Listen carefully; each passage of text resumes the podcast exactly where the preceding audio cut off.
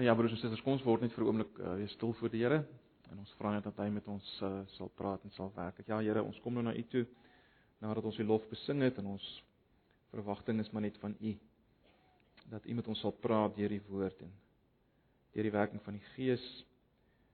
Die woord wat so bekend is aan ons, Here, ons het regtig nodig dat U ons uh, sal aanraak, dat U ons sal beweeg. sal omkeer deur U woord. Ons is afhanklik van U. Ons erken maar net vanoggend weer eens dat ons sonder U niks kan doen nie.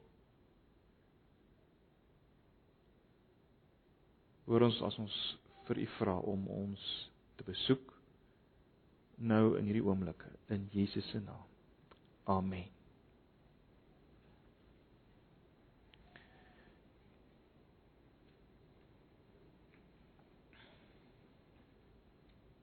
Nou ja, broers en susters, ehm um, soos julle waarskynlik kan sien, ons is uh nog nie weer by Joshua terug nie. Ons sal teruggaan na Joshua toe uh volgende Sondag as die skool begin. Uh verlede Sondag het ons 'n bietjie gepraat uit Psalm 42 oor uh oor depressie en ehm um, vanoggend uh iets wat amper amper daarbey aansluit, maar nie heeltemal nie. Ons gaan nie nou dadelik lees nie, maar kry maar julle Bybel so lank oop by Lukas hoofstuk 19. Ons gaan nou nou na Lukas hoofstuk 19 kyk.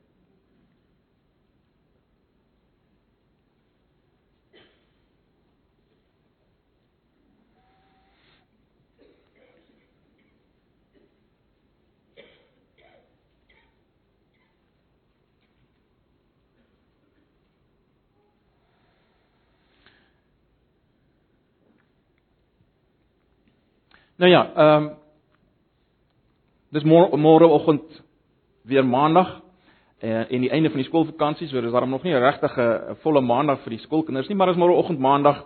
En ehm um, ek dink julle sal my saamstem, ek weet nie hoe julle dit beleef nie, maar die meeste mense is op 'n maandag bietjie af, nê, nee, voel bietjie depressief. Uh nou dis baie interessant.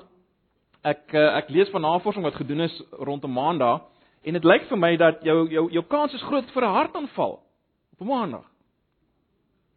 En dit is nie net omdat jy jouself ooreet het oor die naweek nie. Uh daar's verskillende uh spannings en siekte toestande wat ook uh meer na vore kom op 'n maandag. Byvoorbeeld, blykbaar is jou bloeddruk hoër op 'n maandag. En daarom is jou kans om beroerte te kry meer. En dan die ergste van alles, die kans dat jy kan selfmoord pleeg op 'n maandag is 2 maal meer. So dis nie net 'n mite die, die hele maandag gevoel is nie net 'n mite nie, dit is regtig 'n mediese feit. Nou, ek dink daar's net een verduideliking voor en dit is dat die meeste van ons vind die hele gedagte van werk meer drukkend. Nou, wat is die rede daarvoor? Nou, uh, mense kan nou baie daaroor spekuleer. Ehm uh, is die rede daarvoor die druk waaronder gewerk word, afsny afsny datums, die druk om te presteer. Wel verseker is dit 'n uh, bydraende faktor en veral vir miskien onder die onder die kom ek sê kom ons sê die high flyers onder ons. Maar nou is dit fascinerend dat weer eens wys navorsing dat dat hierdie maandag gevoel is net so sterk onder die sogenaamde low flyers, die ouens wat nie die geweldige hoë poste en belangrike poste het met al die druk wat daarmee saamgaan nie. Uh So dis nie die die hele antwoord op die probleem nie. Is dit dalk persoonlike verhoudinge by die werk wat maak dat 'n uh, maandag veroor hierdie gevoel veroorsaak, hierdie depressiewe gevoel veroorsaak, hierdie angstigheid veroorsaak. Uh dalk katterige kollegas of uh kompetisie onder die mans of uh rasse spanning in ons land. Dis 'n vraag. Of is dit dalk uh te wyte aan die fisiese omstandighede? Sal daar minder gestres word op 'n maandag as as die as die situasie waarin jy werk meer gemaklik is met sagte musiek en lekker meubels en so meer. Nou weer eens uh natuurlik jou omgewing speel 'n rol. Dit maak 'n groot verskil in in werksatisfaksie. Maar weer eens het navorsing gewys dis nie die dit los nie die probleem op nie. Uh dit verminder nie werklik hierdie gevoel by mense op 'n maandag. Is die probleem luiheid? Wel, sekerlik weer eens deel van die probleem. Uh julle ken die gesegde ehm um, ek hou van werk. Dit fascineer my, ek kan ure lank daarna kyk. Daar's natuurlik 'n dieper waarheid verberg onder hierdie uh onder hierdie gesegde, né? Nee. En en dis die feit dat dis onmoontlik om niks doen te geniet as jy nie weet daar's werk wat jy kon gedoen het nie. Want jy sien, dit is net so. Uh om niks te doen nie is nie 'n resep vir geluk nie. Om die waarheid te sê, dit is jy's 'n resep vir wanhoop. Gaan vra vir mense wat hulle veral mans wat hulle werk verloor het. So luiheid is nie die hele oorsaak van hierdie maandag gevoel nie. Wat is die rede vir hierdie maandag gevoel? Wel, ek dink mens kan dit so stel. Hopelose uitsigloosheid. Hopelose uitsigloosheid. In ander woorde, daar's baie om te doen. Daar's verseker baie om te doen, maar daar's geen bevredigende bevredigende rede waarom ek dit doen wat ek moet doen nie. Geen bevredigende rede nie. Nou om sonder hoop op op die toekoms te lewe, sonder 'n 'n vooruitsig te lewe is is is amper om soos uh, soos rap soos om rappie te speel sonder 'n doellyn en 'n eindvlekkie. As jy nie iets meer het 'n hoop het omtrent dit wat kom nie. Ek meen met die oog waarop doen jy alles wat jy doen? Dit dis die vraag waarmee mense worstel, nie waar nie? Wat is die punt van my lewe? So what? So so die vooruitsig op niksheid as mens dit so stel, eh, dis wat maandag blou maak. Selfe rotine weer en weer, maar waar na toe? Waar toe? Dis wat maana blou maak. As ons reg is as ons dit sê, daar's daar net een manier om die maandagooggend gevoel te ontsnap as jy wil. En dis om betekenis te vind in die lewe en te glo dat daar betekenis is in hierdie lewe. Dis die enigste manier om dan hierdie maandag gevoel, hierdie blou maandag gevoel as jy wil te ontsnap. Uh As ons met ander woorde kom ons noem dit 'n konteks van hoop kan vind, dan dan sal dit nie net ons daaglikse werk verander en beïnvloed nie, maar ook elke aspek van ons bestaan sal meer betekenis kry, sal meer rigting kry as ons hierdie hoop, as ons hierdie horison van hoop het. Om dit so te stel. En dit bring ons by Jesus se gelykenis. In Lukas 19 vers 11 tot 27. Uh want Jesus kom hier en hy hy hy vertel 'n storie wat daarop dui dat die geskiedenis is ergens heen op pad. Daar is 'n daar's 'n daar's 'n doelwit vir bestaan. Daar's 'n doelwit vir my en jou bestaan. Daar's 'n doelwit vir die bestaan van ons gemeente. Die lewe is nie maar net 'n doolhof sonder enige uitgang nie. Daar is iets wat wat dit die moeite werd maak om te lewe en te werk. Maar kom ons lees Lukas Ag uh, Lukas 19 vanaf vers 11. Ek het dit daarop gesit, maar ek besef is miskien bietjie klein, maar weer eens volg maar in jou in jou Bybel as dit te klein is uh op die bord daar. Kom ons lees dit saam. Dis die uh dis die 53 vertaling. Vers 11.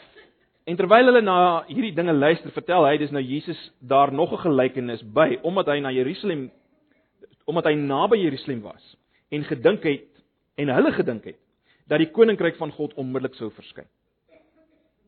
Vers 12, hy dan gesê 'n man van hoë geboorte het na 'n ver land gereis om vir homself 'n koningskap te ontvang en dan terug te kom. En nadat hy 10 van sy diensknegte geroep het, gee hy hulle 10 ponde en sê vir hulle: "Dryf handel daarmee totdat ek kom." Maar sy medeburgers het hom gehaat en die gesantskap agter hom aangestuur om te sê: "Ons wil nie hê dat hierdie man koning oor ons moet wees nie." En toe hy terugkom nadat hy die koningskap ontvang het, sê hy dat daardie diensknegte aan wie hy die geld gegee het by hom geroep moes word sodat hy kon weet wat elkeen met handel verdien het. En die eerste een het verskyn en gesê: "Meneer, u pond het 10 ponde wins gemaak." En hy sê vir hom: "Mooi so, goeie dienskneg, omdat jy in die minste getrou eh, gewees het, moet jy gesag hê oor 10 stede. En 'n tweede kom en sê meneer, u pond het 5 ponde verdien.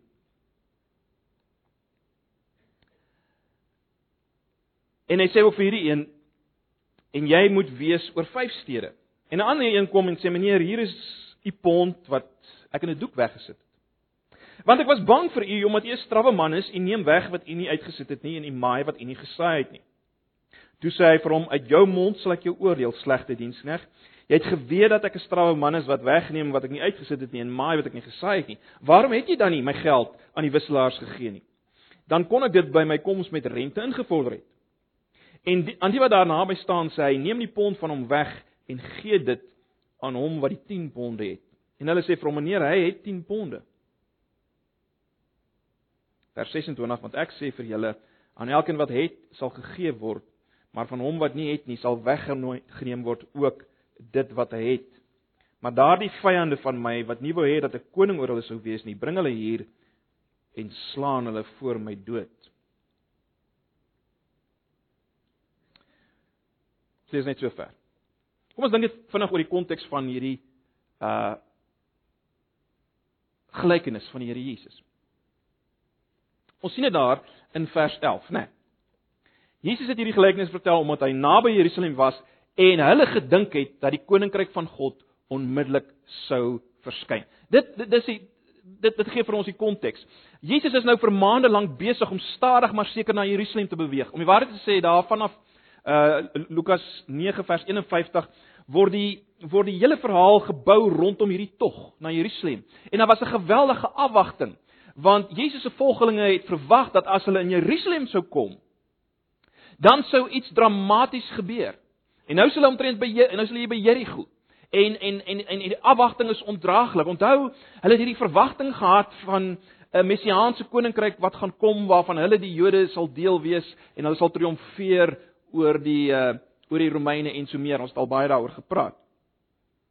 Nou Jesus het op verskeie geleenthede het hy probeer om hierdie skeeftrekking reg te stel. Jesus het weer en weer vir hulle gesê: "Luister, daar wag dood in Jerusalem." maar hulle het dit nie gehoor nie. Hulle het dit bloot nie gehoor nie. En en en dinge het met ander woorde as te ware begin hand hand uitruk as uh, onder hierdie volgelinge van Jesus rondom hierdie verwagting en daarom kom Jesus en hy hy los hierdie gelykenis soos 'n bom in hulle midde. Die gelykenis wat ons gelees het. Nou anders as baie van die ander gelykenisse is hierdie gelykenis nie gerig op die Fariseërs nie. Julle sal weet baie van die gelykenisse was gerig op die Fariseërs. Hierdie gelykenis is spesifiek gerig op die volgelinge van Jesus. Uh wat verwag het dat dat daar so een kataklismiese oomblik sou wees wat die koninkryk gaan kom. En Jesus kom en hy wys totaal iets anders. Hy kom wys dat die koninkryk gaan in fases kom. Die koninkryk van God gaan in fases kom. En is hierdie hele kom ons noem dit fase strategie van die koninkryk wat Jesus hier probeer uitlig in hierdie gelykenis. Kyk net na vers 12. Hy het dan gesê: "’n Man van hoë geboorte het na 'n ver land gereis om vir homself 'n koningskap te ontvang en dan terug te kom." So wat is die punt van hierdie metafoor? Die punt van hierdie metafoor is dat Jesus, alhoewel hy die erfgenaam is, gaan nie onmiddellik die koninkryk in besit neem nie. Hy gaan nie onmiddellik as jy wil op die troon sit nie en alles verander nie. Hy het 'n lang reis waarop hy moet moet gaan en as hy terugkom van hierdie reis, dan sal hy op sy troon sit. Dan gaan die hele situasie verander. Intussen tyd, baie belangrik, in sy afwesigheid los hy werk vir sy diensknegte, sy mense terwyl hy weg is. Dis wat Jesus hier uitlig.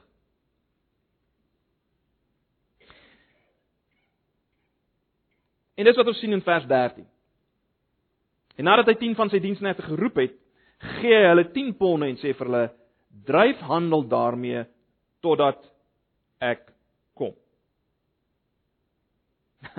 Met ander woorde, hierdie onder hierdie disippels het verwag hier gaan geweldige oorwinning vir hulle wees as hulle nou in Jerusalem kom, maar Jesus verpletter hierdie siening van hulle. Daar gaan nie geweldige oorwinning wees as hulle in Jerusalem kom nie. Hulle gaan geteleurgesteld wees, maar hy het wel 'n afskeidsgeskenk vir hulle niks in vergelyking met dit van wat hy vir hulle gaan gee as hy terugkom nie, maar genoeg om hulle getrouheid en hulle sin vir verantwoordelikheid te toets. So wat die disippels moes moes weet, weet, sy volgelinge moes weet is dat die die korttermyn toekoms hou nie vir hulle krag en glorie en oorwinning en genesing van alles in nie. Die korttermyn toekoms hou vir hulle in geleentheid tot diens. Dis wat Jesus wil oorbring. Met ander woorde, Jesus se antwoord op hierdie gevreesde maandagooggend gevoel is dit: Dryf handel daarmee totdat ek kom. Dis Jesus se antwoord op die gevreesde maandagooggend gevoel. Dryf handel. Maak wins totdat ek kom. Dis as jy wil die die Bybelse werketiek. Jy sien die Bybelse werketiek is nie gegrond in in 'n blote morele plig nie. Dit dit dit gaan oor 'n toekomstige hoop. Dis gewortel in 'n toekomstige hoop. Ons moet werk. Ons moet wins maak met die ponde, die talente. Ons sal nou hoor wat dit is. Maar ons moet daarmee werk totdat hy kom en hierdie hierdie laaste frase totdat hy kom is geweldig belangrik want dit sê vir ons die wêreld gaan iewers heen. Die wêreld gaan iewers heen.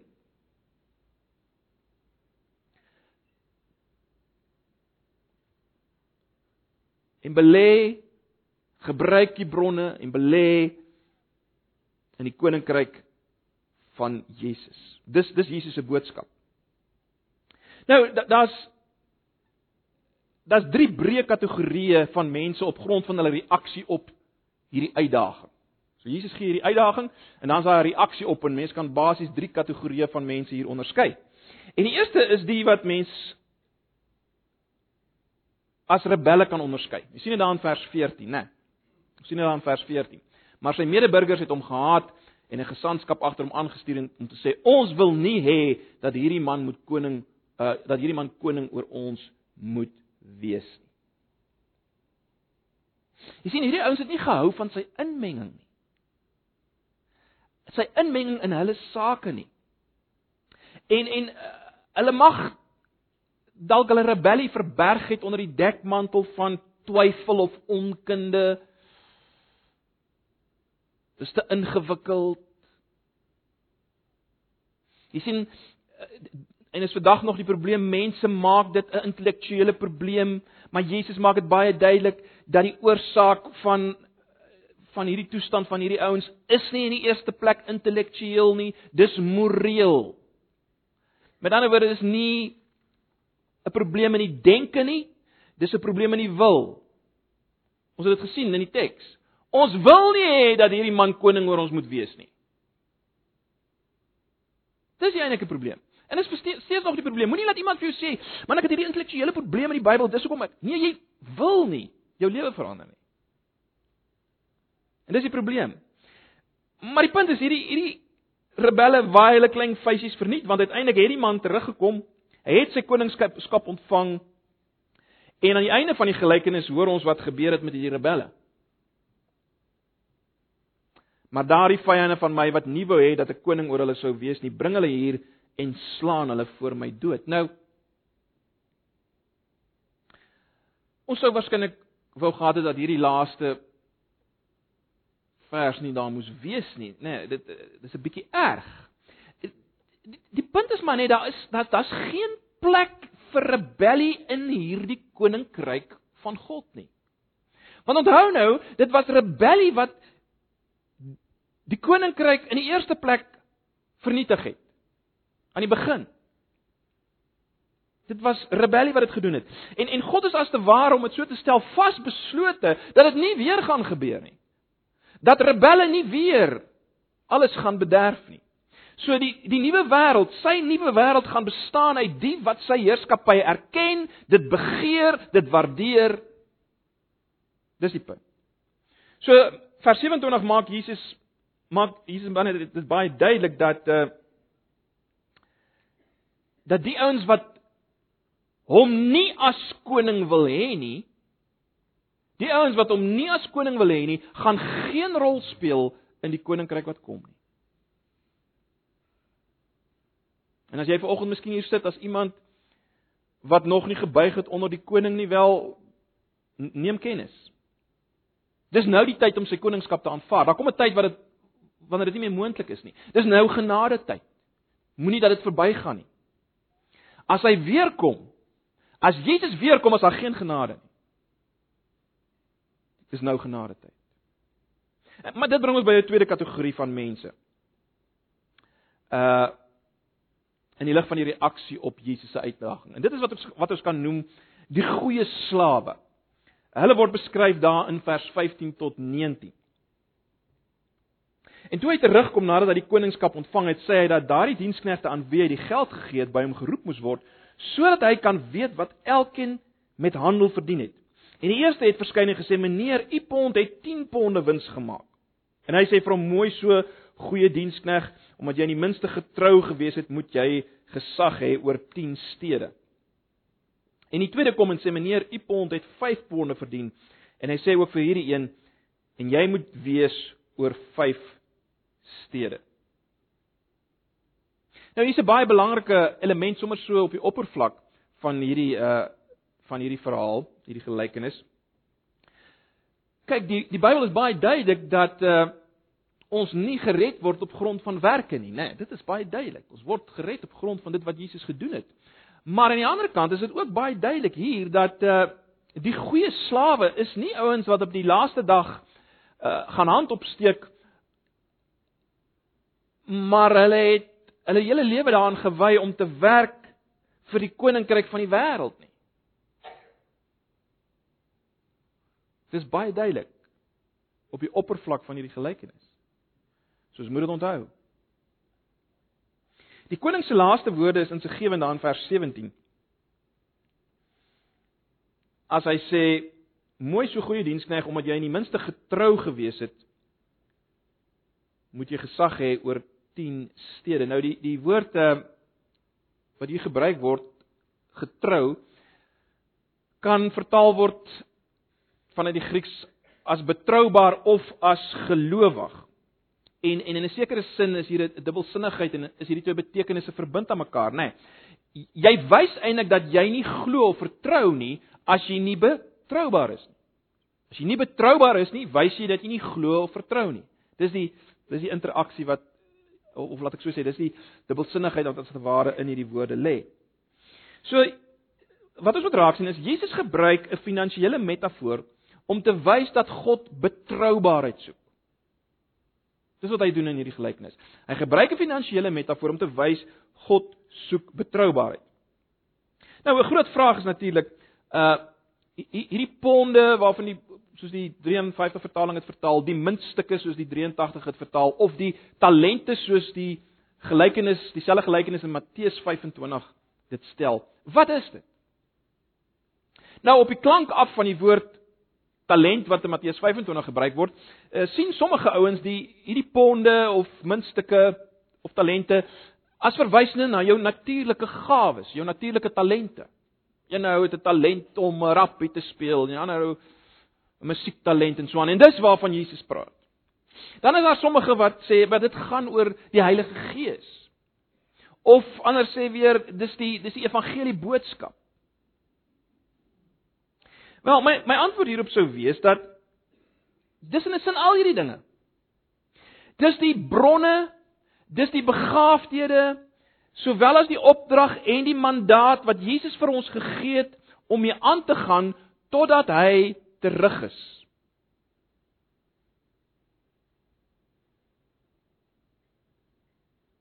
Skiet ek moet miskien sê terug is in die hemel, terug is uit die hemel, né? Nee. Dis alles wat in ons hande is as as jy wil. Alles wat aan ons toevertrou is. En die opdrag wat hy van ons vir ons gegee het om mee besig te wees. Met ander woorde, alles wat ons het as elke een as individu, al die begaafdhede wat jy het, al die bronne wat jy het, alles wat in jou hande is, jou geld, jou werk, jou familie, wat maak nie saak. Dis die ponde. Dis waarmee handel gedryf moet word. Dis waarop wins verkry moet word. Dis die punt. Die stede waarvan hy praat wat uiteindelik verkry sal word, wel natuurlik is dit ook simbolies. En die punt wat Jesus maar net Dawid eh, daarmee wil maak is baie duidelik dat uh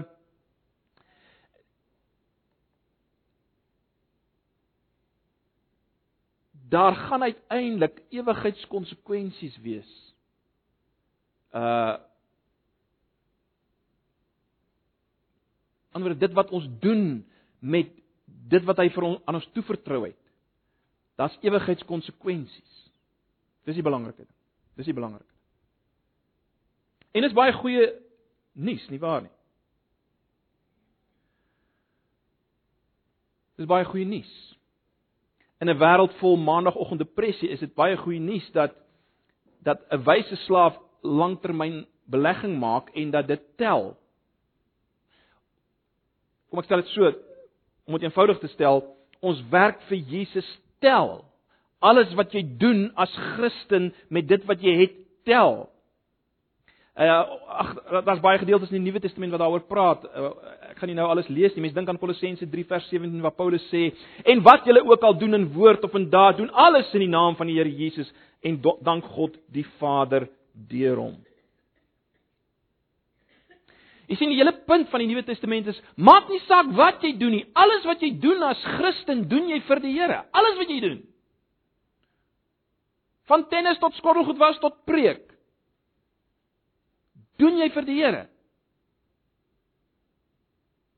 Met dit wat hy vir jou gegee het. As individu. En dis wat gaan beloon word uiteindelik. Knyp jouself elke dag en herinner jou daaraan. Daar is koninkryks konsekwensies. Ek is op pad erns heen. Daar's die uh storieetjie van die drie werkers op 'n bouperseel wat ek iewers gelees het. Um uh, 'n TV verslaggewer of omroeper uh, het het vir drie ouens by so bouperseel het net begin met die met die perseel En hy het vir die drie ouens gevra, "Wat doen julle?" En die eerste ou het gesê, "Wel, ek ehm um, ek breek klippe." En die tweede ou het gesê, "Wel, ek eh, ek verdien 'n inkomste om my familie te onderhou." En die derde ou het gesê, "Weet jy wat? Ek is besig om die grootste winkelsentrum ooit te bou." Wat is die punt van die van die storieetjie? Die punt is maar net hierdie die derde ou het deurgekyk na na die groter ding waarna toe op pad is met hierdie bouwerk. Die ander ouens het hier gekyk. Een ou sien net die klippe wat gebreek word. Die ander ou dink net aan die inkomste wat hy Die derde ou het verder gekyk. En dis belangrik. Dis geweldig belangrik. Ons moet die groter prentjie sien.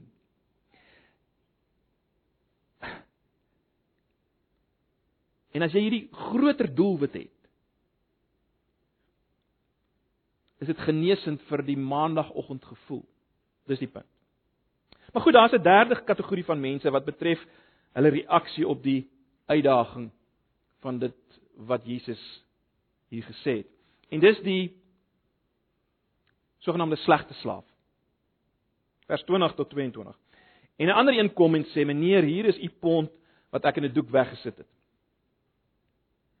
Want ek was bang vir u omdat u 'n strawwe man is. U neem weg wat u nie uitgesit het nie en maai wat u nie gesaai het nie. Toe sê hy vir hom uit jou mond sal ek jou oordeel slegte diensneg. Let wel uit jou mond sal ek jou oordeel. Jy het geweet dat ek 'n strawwe man is wat wegneem wat ek nie uitgesit het nie en maai wat ek nie gesaai het nie. Nou die eerste ding wat duidelik is om omtrent hierdie slaaf is dat sy siening oor die koning is eintlik totaal onregverdig, nie waar nie?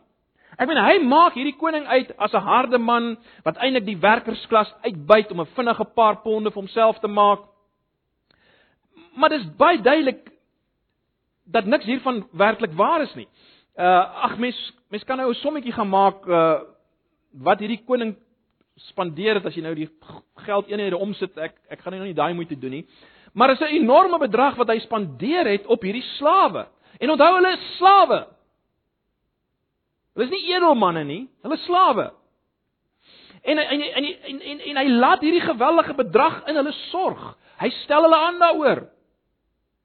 Dis baie duidelik, hy's geen uitbuiter nie. Uit dit wat hy vir die ander slawe sê, is dit baie duidelik hy's nie 'n uitbuiter nie. Gaan lees dit maar weer. Ek meen, hy laat nie net die bestuur van al sy sake, van sy hele landgoed, hy laat nie net dit in hulle hande nie. As hy weg is nie, Hy gee vir hulle nog groter voorregte as hy terugkom. Hier's nie sprake van 'n harde onregverdige man nie. Hy gee hulle nog meer voorregte as hy terugkom. Jy sien dit lyk amper asof hierdie slaaf sy eie karaktereienskappe projekteer op die koning. Hy was waarskynlik bitter oor iets. Hy was waarskynlik bitter oor die feit dat hy dat hy 'n slaaf is of dat hy minder gegee is as wat die ander ouens gekry of dat daar minder vir hom gegee is as wat vir die ander ouens gegee is. Miskien is hy bewus daarvan dat die ander slawe beter gebruik gemaak het van uh wat aan hulle toe vertrou is en nou wip hy homself. Mag enige iets van dit wees. Die verskoning wat hy gee is dat hy bang was.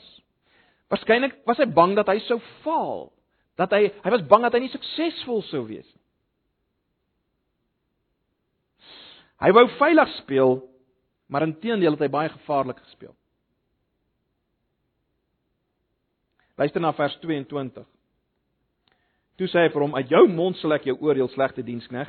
Jy het geweet dat ek 'n strawwe man is wat wegneem wat ek nie uitgesit het nie en maai wat ek nie gesaai het nie." Wat probeer die koning hierdeur sê as hy sê uit jou uit jou mond sal ek jou oordeel? Wat hy probeer sê is dat kyk, selfs al was ek die wrede tiran wat wat jy sê ek was, het jy nie opgetree in die lig daarvan nie. As jy werklik gedink het ek was so wel, dan sou jy mos iets gedoen het. Jou probleem is nie dat jy nie bang was vir die koning nie. Jy het hom nie genoeg gevrees nie. Anders sou jy iets van die geld gedoen het. Jy het eintlik verskoning gesoek vir jou onverantwoordelike rentmeesterskap. Dis eintlik wat die koning vir die man sê. Jy het vir jy het verskoning gesoek vir jou onverantwoordelike rentmeesterskap. En dit bring ons natuurlik by die by die hele vraag, wat is hierdie wat is die bank waar waarvan gepraat word? Weereens is 'n metafoor. Uh simbolies as jy wil, baie duidelik soos alles in die gelykenis. En wat Jesus waarskynlik daarmee wil sê is dat Daar is onderneming nodig. Daar's energie nodig in die lewe van 'n Christen. In die gebruikmaking van jou bronne is daar energie nodig, is daar onderneming nodig. Moet daar dinge aangepak word, moet daar gewaag word. Dis wat Jesus wil sê. Daar moet gewaag word met dit wat God aan ons toevertrou het. Implisiet wil hy waarskynlik vir ons sê dat dat ons genoeg vertroue moet hê dat God ons nie sal sleg behandel as ons foute maak nie. Ons moet eerder foute maak as wat ons niks doen met dit wat hy vir ons gegee het nie. Maak eerder foute met wat hy vir jou gegee het. Maar moenie niks doen daarmee nie. En dan oor wat Jesus vanoggend vir ons wil sê, ons wat hier sit is moenie maar net Sondag hier kom sit nie. Maar dit wat jy elke dag doen by die werk, doen dit as Christen. Dink aan al jou werk, maak nie saak wat jy doen nie. Of jy net 'n huisvrou is, met met klein babatjies in die huis en of jy die hoogste pos beklee, maak nie saak wat jy doen nie, sien dit as werk vir Christus. Woeker, maak wins. Miskien sê jy vanoggend maak dit so min bronne. Ek is nie regtig 'n begaafde ou nie. Ek kan nie goed praat nie, ek is nie musikaal nie, Ek het nie genoeg finansies om my te help om iets te gaan doen nie. Ek sou as ek dit net gehad het so graag sendingwerk gedoen het, maar weet jy ek ek ek is net nie toegerus daarvoor nie of wat die geval mag wees. As 'n storieetjie van twee seentjies wat ehm uh, lewenslange lojaliteit aan mekaar uh, beloof het. Dit het min of meer so geklink. Hi Benny, as jy 'n uh, miljoen rand het, sal jy vir my die helfte gee? Ja, natuurlik. En as jy 1000 rand gehad het, ek sou vir jou verseker die helfte gegee het. En as ek 'n as jy 1000 albasters gehad het. En weer eens wat was die antwoord? Ek sou vir die helfte gegee het. En toe kom die vraag: En as jy 2 albasters gehad het? En dit was so 'n lang stilte. En die antwoord is Wel, dis nie regverdig nie. Jy weet ek het net twee albasters. Jy hoor wat se punt? Jy hoor wat se punt? God wil ons twee albasters hê.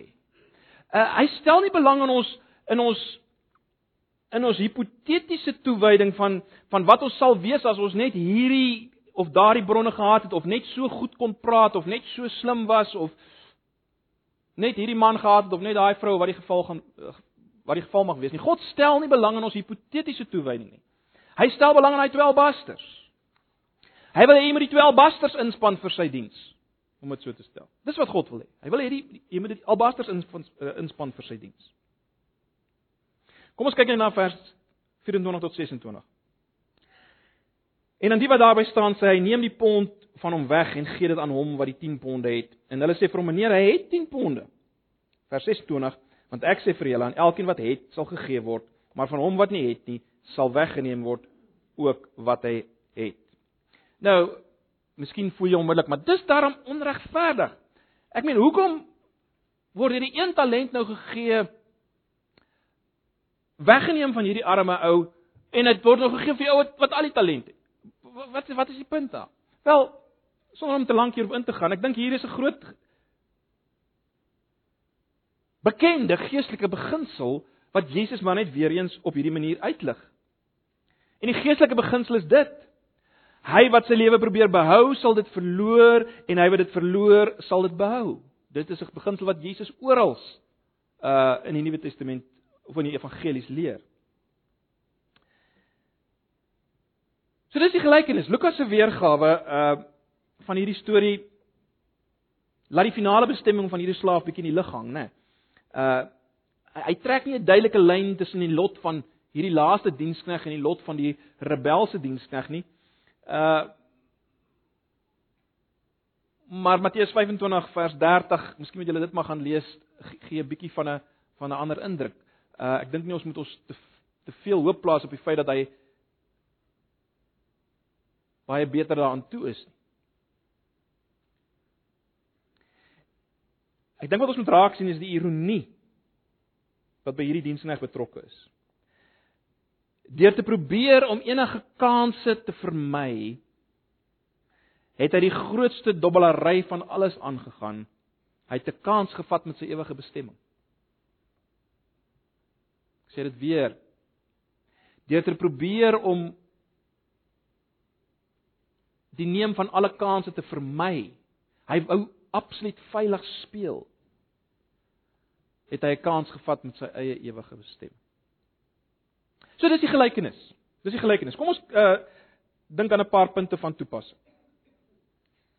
Kom ons trek dit bietjie nader aan onsself. En die eerste ding wat ek wil net wil sê is dit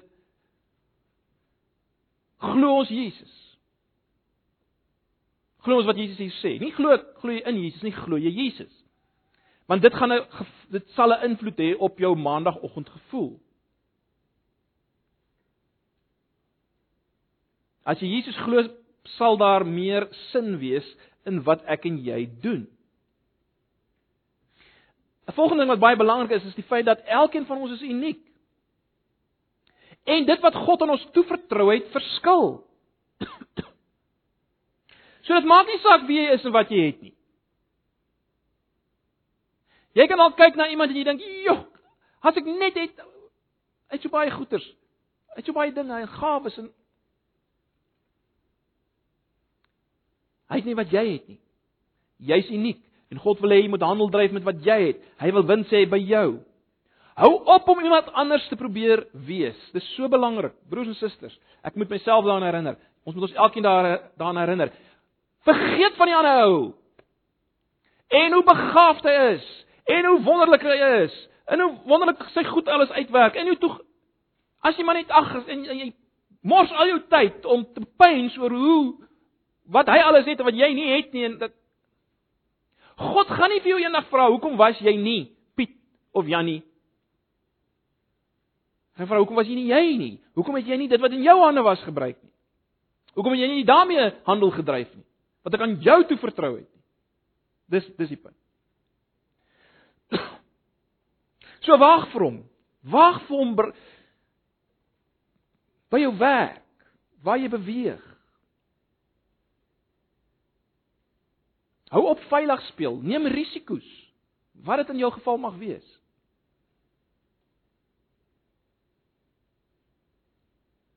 As jy kan gaan na die Midde-Ooste, na een of ander afgeleë plek, gaan, vat die risiko. Doen dit. Terwyl jy nog die krag het en jonk genoeg is. Moenie probeer so veilig speel nie. Nee, ek moet net veilig speel. Ons almal is geneig daartoe en ek is ingesluit daarbey. Ons moet net genoeg goedjies wegsit vir die kinders en veilig alles en karring net so aan en maak die lewetjie klaar. Nee, dis wat God soek, mense wat kansse vat vir hom. Handel dryf, wins maak vir die koninkryk. En dis die uitdaging vir ons as gemeente natuurlik ook. Uh Woeker ons Of wag ons maar net dat mense op 'n of ander wonderbaarlike wyse hier sal instap.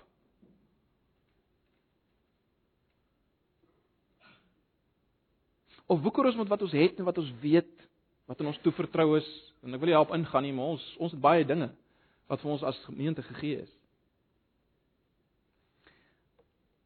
Ag, net 'n laaste ding.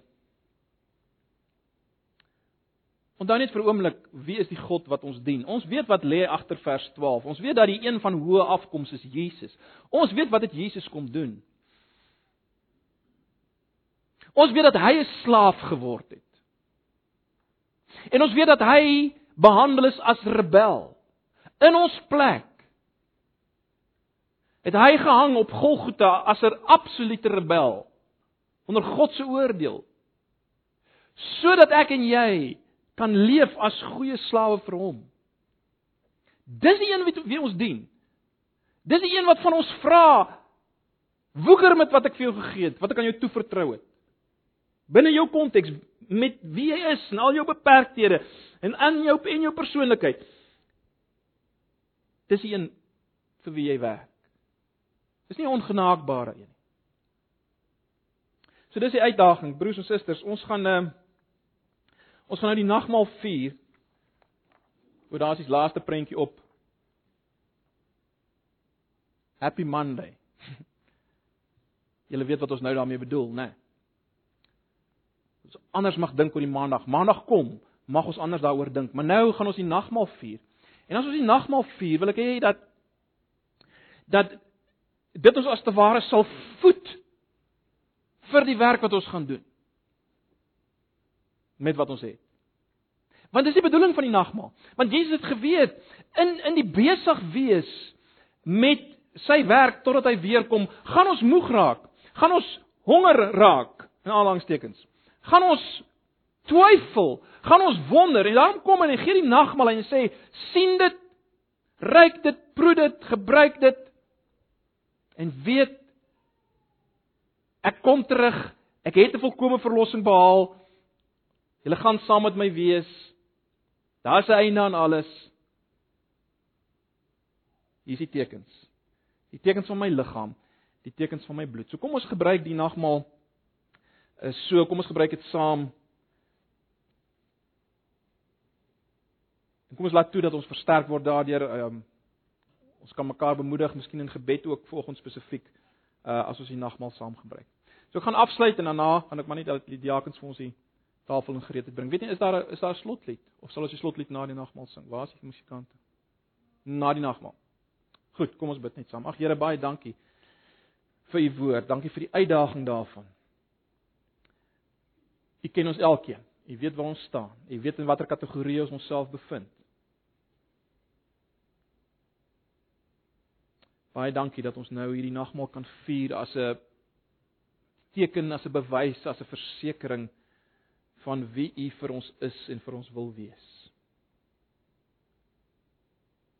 Ag Here, gebruik dit om ons opnuut weer aan te raak, te mobiliseer, te lanseer vir U, asseblief. Ons vra dit in Jesus se naam. Amen. En broers en susters, Jesus het uh dieselfde Jesus het vir dieselfde mense met wie hy gepraat het in die gelykenis in die nag waarin hy oorgelewer is, uh toe hulle saam die laaste Pasga gevier het, het hy die brood geneem en gebreek en gesê: Neem eet, dis my dis my liggaam wat vir julle gebreek word. Dis my liggaam wat vir julle gebreek word. Tot vergifnis van sonde en hy het uit die die beker geneem en daai het geskink en gesê Dis my bloed, die bloed van die nuwe verbond, daardie nuwe verhouding tussen my en julle. Ek wil vir julle vir julle God wees, julle moet my mense wees. Onthou dit totdat ek weer kom. Dink daaraan eh, baie interessant, Jesus sê dit Dink daaraan. En Paulus herinner ook die mense, dink daaraan. Totdat hy weer kom, moet ons hieraan dink. Is dit wat ons nodig het om ons te versterk terwyl ons handel dryf, terwyl ons werk met dit wat hy vir ons gegee het. Dis wat ons versterk. Dis wat ons bemoedig sy liggaam wat gebreek is, sy bloed wat gestort is in ons plek. Ehm um, sodat ons dit nie vernietig hoef te word nie. Sodat ons kan deel wees van sy liggaam. Deel kan wees van mekaar, ons is saam op pad, ons is saam besig uh met hierdie werk totdat hy kom. So kom ons gebruik die nagmaal en en en soos ons dit gebruik, dink ons daaraan. Ons dink aan die pad wat Jesus geloop het, dit wat hy kom doen het. Dis 'n herinneringsmaaltyd. Ons dink aan wat hy gedoen het. Laat toe dat dit jou versterk. So seker as jy hierdie wyn drink, so seker as wat jy die brood eet, as jy jou hoop geplaas het op Jesus, kan jy weet jy's deel van hom. Jy is op pad na die nuwe koninkryk. Jy is op pad. Jy met dit wat aan jou toevertrou is, is op pad. Weet dit en word versterk daardeur en dis natuurlik ook 'n vreugdesmaaltyd want dit sê vir ons ons is op pad ergens heen en dan gaan weer 'n groot bruilofsfees wees saam met hom. Die koning wat gaan terugkom. Hy's nou weg, maar hy gaan terugkom. So kom ons gebruik dit in die lig daarvan. Ek nooi julle uit. Ehm um, as jy die vrymoedigheid het. As jy van 'n ander gemeente is vir oggend en jy's 'n ware kind van die Here, al is jy swak en struikelend en sukkelend, gebruik dit en word versterk en bemoedig. Mag nou die genade van ons Here Jesus en die liefde van God en die gemeenskap van sy Gees met julle elkeen wees en bly terwyl julle handel dryf met dit wat hy in julle hande geplaas het. Amen.